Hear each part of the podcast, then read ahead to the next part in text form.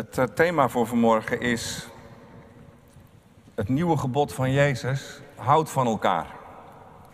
Dat is naar aanleiding van een tekst die mooi past bij wat we vandaag uh, uh, beleven op deze dag. De dag tussen hemelvaart en Pinksteren in.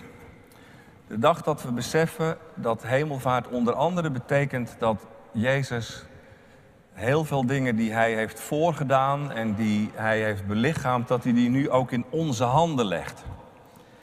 En dat geldt zeker voor de liefde. Nou, daar gaat Jezus iets over zeggen in Johannes 13. Maar we lezen eerst nog een oud gebod.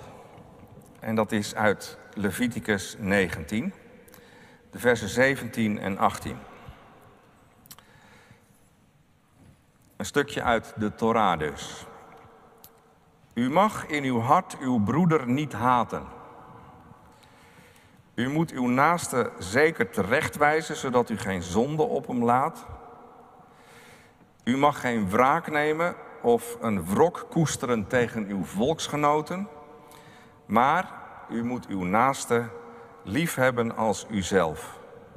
Ik ben de Heer. En dan lezen we uit Johannes hoofdstuk 13, de versen 31 tot 35. Die versen die volgen op de beschrijving van de voetwassing, waar we net met de kinderen bij stilstonden. En dan gaat Jezus daarna een paar dingen uitleggen en zeggen. En dan zegt hij onder andere ook dit. Toen Judas dan naar buiten was gegaan, zei Jezus: Nu is de zoon des mensen verheerlijkt en God is in hem verheerlijkt. Als God in hem verheerlijkt is, zal God hem ook in zichzelf verheerlijken en hij zal hem meteen verheerlijken. Lieve kinderen, vervolgt hij dan, nog een korte tijd ben ik bij u. U zult mij zoeken en zoals ik gezegd heb tegen de Joden, zo zeg ik het nu ook tegen u. Waar ik heen ga, kunt u niet komen. Een nieuw gebod geef ik u, namelijk dat u elkaar lief hebt. Zoals ik u lief gehad heb, moet u ook elkaar lief hebben. Hierdoor zullen alle inzien dat u mijn discipelen bent, als u liefde onder elkaar hebt. Tot zover de beide lezingen. Thema is dus het nieuwe gebod van Jezus. Houd van elkaar. Gemeente van Christus, gasten in ons midden nu of later, verbonden met ons vanmorgen. Wij mensen snakken allemaal naar liefde. Want ja, één ding is duidelijk, zonder liefde gaat het niet. Alleen is de vraag altijd wel, wat bedoelen we eigenlijk als we het over liefde hebben? Over echte liefde. Nou ja, een beetje jongeren in ons midden, die denkt dan natuurlijk allereerst aan verliefd zijn. Aan vlinders in je buik, aan romantiek, je hoofd op hol van hem of van haar. En dat is ook waar de meeste liedjes over gaan. Over dat soort liefde. Maar is dat nou de echte liefde al? Is dat al de liefde waar Jezus het vanmorgen over heeft? En pas keek ik weer eens even naar een stukje talkshow. En daar zat een BN'er. En die had het ook over hoe ontzettend belangrijk liefde was in haar leven. Maar alles wat ze erover zei, dat ging vooral over gevoel. En over houden van je familie en van je eigen kinderen. Natuurlijk, dat is liefde. Maar ik dacht, is dat nou de liefde, die echte omvattende liefde waar bijvoorbeeld Jezus het over heeft? Liefde zoals Jezus het bedoelt. Nou, laat ik het zo zeggen vanmorgen. Heel veel van wat wij liefde noemen, is vaak de makkelijkste vorm ervan. Makkelijk in de zin van houden van wat je vertrouwd is. Van wat dicht bij je staat. Van waar je gevoel en je sympathie eigenlijk vanzelf een beetje wel in meekomen. Maar de liefde waar Jezus het over heeft vanmorgen, dat is niet alleen dat, ook natuurlijk, maar dat is niet alleen dat, maar het is ook en misschien wel vooral de moeilijker vorm daarvan. Liefde voor wat vreemd is. Voor wat je niet meteen zo licht of aanstaat. Voor wat je niet als vanzelf zomaar sympathiek vindt. Voor degene die je misschien nooit zou hebben uitgekozen om ernaast te gaan zitten of mee op te trekken. Over die liefde gaat het als Jezus zegt: Ik geef jullie een nieuw gebod.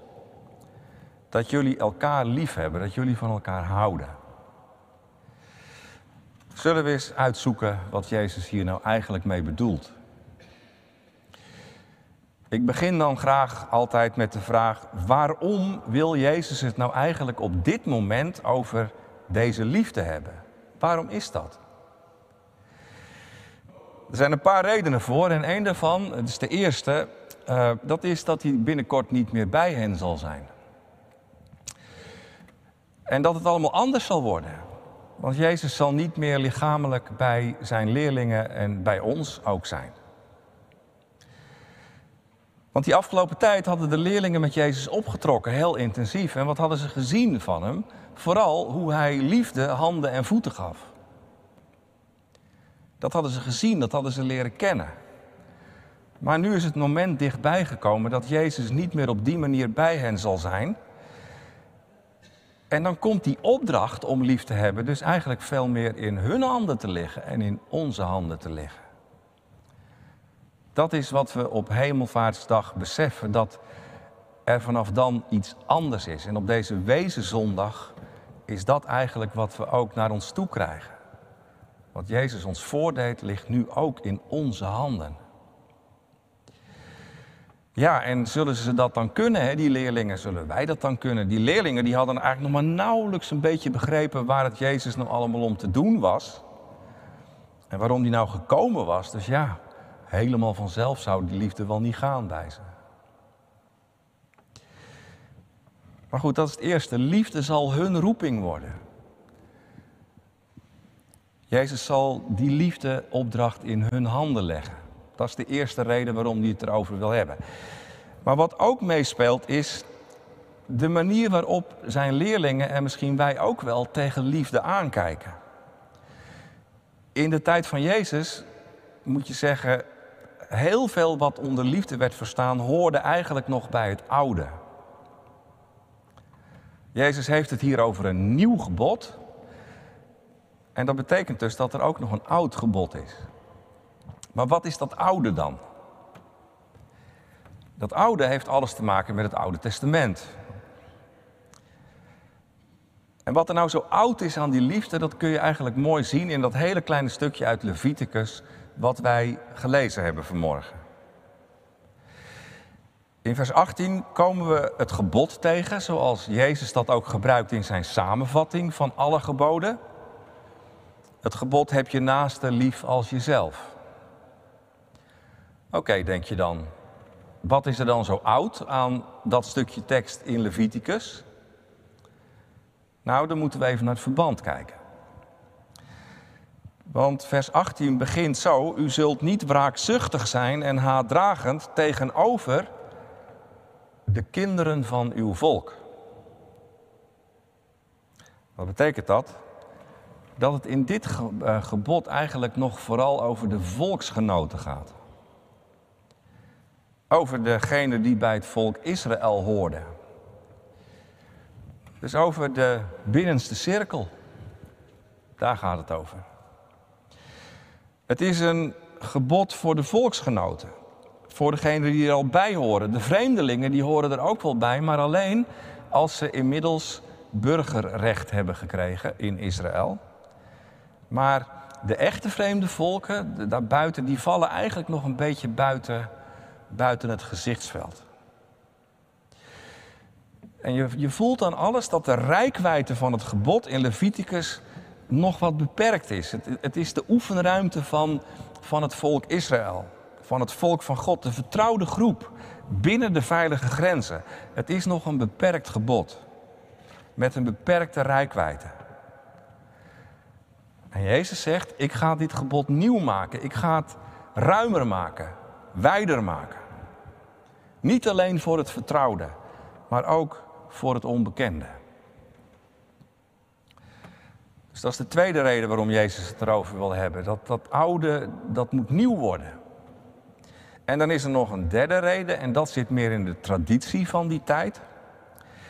Kijk, in het oude gebod van het Oude Testament zit natuurlijk de liefde van God en die zit er al helemaal in. Dat proef je in Psalm 119 bijvoorbeeld ook. Dat, dat trilt van liefde. En toch, op een of andere manier is het allemaal nog niet zo duidelijk als Jezus dat aan het licht heeft gebracht. En het gevolg was dat in de tijd van Jezus um, er heel veel mensen waren die toch eigenlijk op die oude manier probeerden om het liefdegebod te vervullen. En het kenmerk van dat oude was dat het dan niet zo goed lukte om dat echt vanuit het hart te doen. Vanuit de liefde en vanuit de genade. De gehoorzaamheid werd heel gauw nogal wettisch en nogal regeltjesachtig. En het beste voorbeeld daarvan zijn natuurlijk de fariseeën en de schriftgeleerden. Waar Jezus het voortdurend zo mee aan de stok heeft. En waarom is dat? Omdat Jezus eigenlijk steeds tegen ze zegt van... Lieve mensen, jullie zijn super serieus. En jullie leven echt heel trouw met de geboden. Maar jullie hebben zoveel aandacht voor de regels en voor de buitenkant. En voor, voor dat alles op zijn plek staat. Maar waar is de liefde vanuit jullie hart? dat lukte gewoon vaak niet zo goed, ondanks al die serieuze pogingen. Nou, dat is een beetje de achtergrond. En wat je bij Jezus proeft als hij dan dit nieuwe gebod gaat geven, dat is dat hij wel beseft dat het in de praktijk voor de discipelen dus best een flinke kans zou opleveren dat ze ergens in het oude zouden blijven hangen als het over liefde gaat. Nou, dat is dus ook een vraag aan ons. Best een belangrijke vraag eigenlijk. Hoe zit het eigenlijk met ons als het over de liefde gaat? Lopen wij ook niet eigenlijk voortdurend het risico dat we in het oude gebod blijven hangen? Of in de oude praktijk blijven hangen? Kijk, die dame aan de talkshowtafel, zij sprak over liefde volgens het oude gebod eigenlijk de beperkte kring, wat haar vertrouwd was. Prima, maar het was beperkt. En dat gebeurt ons ook maar al te vaak. Dan houden we van wat ons vertrouwd is. Van wat veilig is. Van wat dichtbij is. Het vertrouwde kringetje. Ons kent ons liefde, zeg maar. Dat kunnen we in de kerk ook heel makkelijk doen, hè? Of onze liefde wordt toch ongemerkt verstikt door ja, onze hang naar controle, naar regels. Dat de dingen wel een beetje goed op zijn plek blijven staan. Zodat we in wezen meer op fariseërs lijken dan op Jezus. Dat wettische en dat veroordelende, het zit best wel diep in de cultuur van de kerk van ons soort kerken. Elke keer loop je er weer tegenop. Dat, dat gevoel van dat er toch allerlei dingen moeten en niet mogen.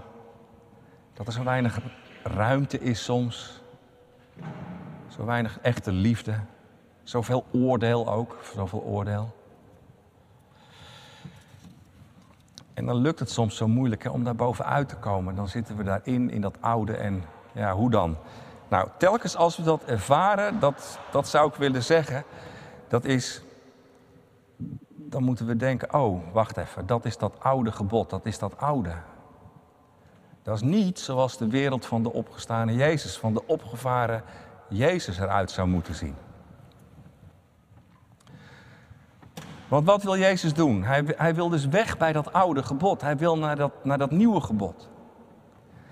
En dan geeft hij dat nieuwe gebod van de liefde. En hoe, hoe, hoe is die liefde van God in de wereld dan? Vanaf Pasen, vanaf Hemelvaart.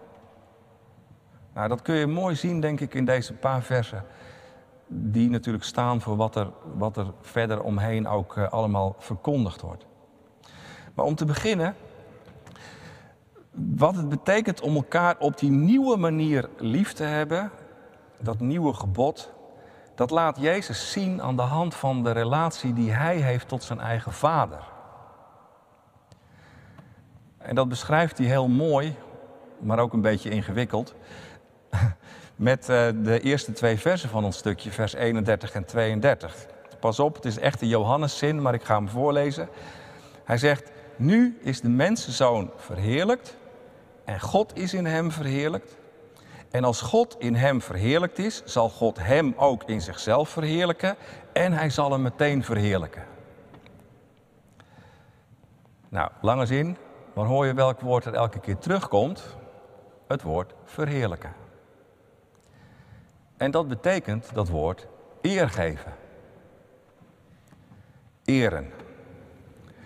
Wat is het eigene van de relatie tussen de Vader en de Zoon en de Heilige Geest?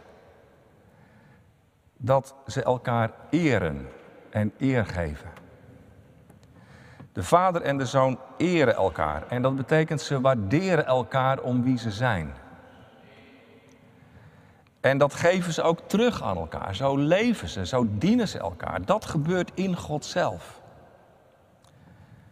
Maar dat niet alleen, verheerlijken, dat betekent ook, ze bekleden elkaar met eer. dus als, als het even kan, dan maken ze elkaar nog mooier en nog heerlijker en, en, en nog heerlijker en nog waardevoller. Dus die hele relatie van Vader, Zoon en Geest is erop gericht, zegt Jezus, elkaar te verheerlijken, eer te geven, de ander groter te maken en niet kleiner. Dat is de liefde die de Vader en de Zoon en de Geest voor elkaar hebben. Nou, voel je hoe prachtig dat is? En kun je je voorstellen wat er gaat gebeuren als wij mensen elkaar zo gaan verheerlijken? Als we dat gaan doen. Als je dat in je gezin gaat doen, in je relatie, maar ook met je collega's, met mensen waar je mee van mening verschilt.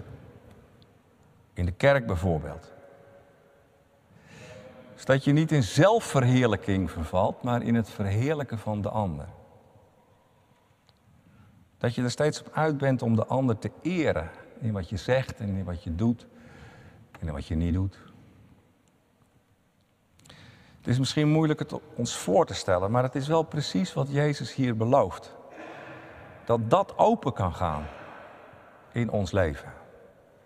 Dat al onze relaties meer en meer getransformeerd worden, veranderd worden om een afspiegeling te worden van dat. De relatie tussen de Vader en de Zoon en de Heilige Geest. Dus dat we daar niet alleen maar een voorbeeld aan nemen, dat zou weer net even te weinig zijn, maar dat we worden opgenomen in die gemeenschap. Daar nodigt Jezus ons eigenlijk ook toe uit. Dat we opgenomen worden in die liefde-relatie van de Vader, de Zoon en de Geest. Liefde in de zin van de ander verheerlijken. In alle betekenissen van het woord. Eren, mooier maken, groter maken, waarderen. Dat is elkaar liefhebben. Elkaar mooier maken. Maar er is nog meer, want in deze versen, deze versen die volgen op het stukje waar ik net met de kinderen al even over gehad heb. Jezus bij die laatste maaltijd met zijn leerlingen. Waar hij dus dat enorm bijzondere deed. Dat hij opstaat en de voeten van zijn leerlingen gaat wassen. Hij stond op van de maaltijd legde zijn kleren af, ging echt zo'n beetje in zijn onderbroek staan. En hij begon de voeten van zijn leerlingen te wassen en af te drogen. En je kunt je de verbijstering natuurlijk voorstellen van die leerlingen. Dat er iets in hun hoofd knapte bijna van hoe kan dit? De meester die dit doet. Dit is slavenwerk, dat hoort hij niet te doen. En Petrus die zegt het ook. En dan zegt Jezus, en het blijft natuurlijk zo ontroerend, dat hij zegt, ja maar ik doe dit uit ultieme liefde voor jullie. Uit pure liefde. Zien jullie wat ik aan jullie gedaan heb? Jullie noemen mij meester en dat ben ik ook. En jullie noemen heer en dat ben ik ook. Maar dit is hoe ik mijn meesterschap en mijn heerschap bij invul. Dat ik jullie lief heb tot het einde. En als ik dan de Heer en de Meester jullie voeten gewassen heb, dan moeten jullie ook elkaars voeten wassen. Want ik heb jullie een voorbeeld gegeven opdat jullie ook zullen doen zoals ik voor jullie heb gedaan. Wauw, denk ik dan. Wat een liefde is dat. En kunnen we het ons voorstellen? Wat het betekent als wij elkaar, als wij anderen op die manier gaan liefhebben. Dat we elkaar niet de oren wassen, maar de voeten wassen. En dat we op die manier ook de minste worden naar elkaar toe. Dat we van onze troon komen, de troon van ons eigen gelijk. Je hebt vaak 100% gelijk. En dan toch van je troon komen. De troon van je hoogmoed, van alle recht in de wereld. Van status, van positie, van verongelijkheid. En dat je je kleren aflegt. En dat je bukt. En dat je gaat dienen. Dat is wat Jezus bedoelt met dat nieuwe gebod. Om elkaar lief te hebben dat we er een voorbeeld aan nemen. Heel concreet, op momenten dat het erop aankomt, maar niet alleen een voorbeeld, dat zou weer te weinig zijn, maar dat we één worden met Jezus. Worden zoals Hij. Mensen die bereid zijn de minste te zijn, bereid zijn waardigheid af te leggen, om de ander te dienen. Dat is de nieuwe liefde die Jezus laat zien, om ons erin te laten delen. Nou, als we dat nou naar de praktijk van het leven proberen door te vertalen, wat zou dat kunnen betekenen? Dan moeten we om te beginnen zeggen, laten we dat meenemen. Jezus gebied draagt het ons op om elkaar lief te hebben op deze nieuwe manier. En dat nieuwe betekent natuurlijk eerst en vooral dat we niet langer proberen om elkaar op eigen kracht zo lief te hebben, maar dat we dat doen in de kracht van de liefde van de Vader en de Zoon en de Geest. Het liefhebben van elkaar begint ermee dat je je laat opnemen in die liefdesdans tussen de Vader, de Zoon en de Geest. Dat is de uitnodiging van het geloof. Dat we deel krijgen aan de liefde in God zelf. Ik weet niet hoe dat hier is, maar in huizen spreek ik nogal wat jongeren die op een of andere manier al tegen de vraag aanlopen van de drie-eenheid. Dat vragen ze dan aan me, hoe zit dat met de drie-eenheid? Ja, dat snap ik dan wel, want dat gaat ons verstand natuurlijk te boven als je probeert hè, dat, dat een beetje in je hoofd goed te krijgen. Drie en één. En maar misschien helpt dit gedeelte om er ook eens anders naar te kijken. De eenheid tussen de Vader en de Zoon en de Geest, dat is niet in de eerste plaats een uitdaging voor ons verstand, maar het is een uitnodiging voor je hart. De drie eenheid, dat is eerst en vooral de liefdevolle eenheid tussen Vader, Zoon en Geest. En jij mag in die liefde meedoen. Je mag leren ervaren wat echte liefde is. Liefde die de ander groter maakt en niet kleiner maakt. En uit die liefde leven en dat zou ook weer oefenen naar anderen toe. De drie eenheid, dat is allereerst het grootste geschenk van de liefde wat je maar kunt bedenken. Drie eenheid wil zeggen, God is liefde. Onderlinge liefde. En daar richt Jezus ons oog op in dit stukje. Kijk eens hoe de Vader en de Zoon elkaar verheerlijken. Ja, en als je dat eenmaal gelooft en daarop gaat vertrouwen en daarna gaat verlangen, dan is de rest een kwestie van oefenen. Elkaar liefhebben, dat is jezelf oefenen in de liefde van de drie-enige God, niet anders eigenlijk. Dat is niet heel hard werken, maar dat is de liefde zijn werk laten doen. En ik geloof steeds meer dat als de kerk in onze tijd iets is, dat het een oefenplaats is, een school in deze liefde. God heeft ons als hele verschillende mensen aan elkaar gegeven om onszelf te oefenen in deze liefde. Als hele verschillende mensen. Jullie zitten hier bij elkaar en jullie zouden misschien nooit voor elkaar gekozen hebben, maar jullie horen wel bij elkaar nu. Misschien voor een tijdje. Kijk eens even om je heen. Wie er om je heen zitten. Doe dat eens even. Hele andere mensen dan jij, hè, soms. Of een beetje hetzelfde.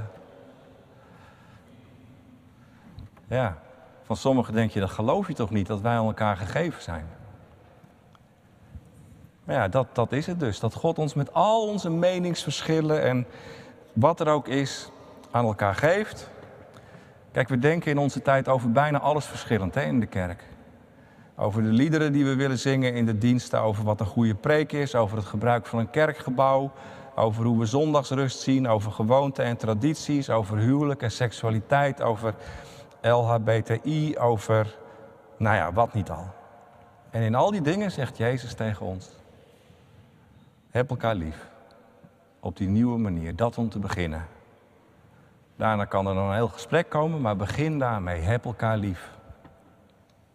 Hoe verschillend je misschien ook denkt, geef de ander de eer die hem of haar toekomt.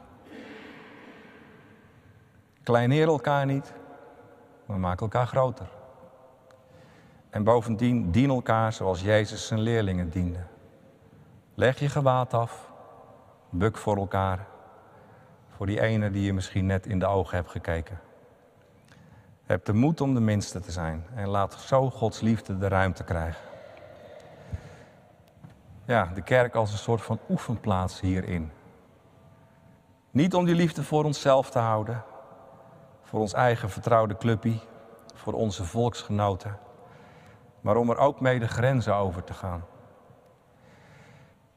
Dus de liefde die we hier met elkaar oefenen, met vallen en opstaan, die mogen we vervolgens ook oefenen op ons werk en in onze buurt en in onze familie en bij onze vrienden. En vooral bij diegenen die anders zijn. Anders zijn dan wij. Die ons misschien wel vijandig gezind zijn. Die ons naar het leven staan. Want het nieuwe gebod van Jezus houdt in dat de liefde niet alleen voor het eigen volk is, maar voor alle volken. Kun je je voorstellen dat je zo je collega of die lastige buurman verheerlijkt en de voeten wast? Nou ja, wat dat precies betekent, weet je zelf het beste. Ik kan het allemaal niet voor je invullen, maar ik mag je aanmoedigen om in die kracht van de drie enige God te oefenen. Zou je het willen proberen vandaag nog of de week die komt? Een nieuw gebod geeft Jezus ons. Nieuw in de zin van verbonden met de liefde van de Vader en de Zoon en de Geest. Ver boven de grenzen van ons beperkte kringetje uit. En dat nieuwe gebod is niet ondoenlijk.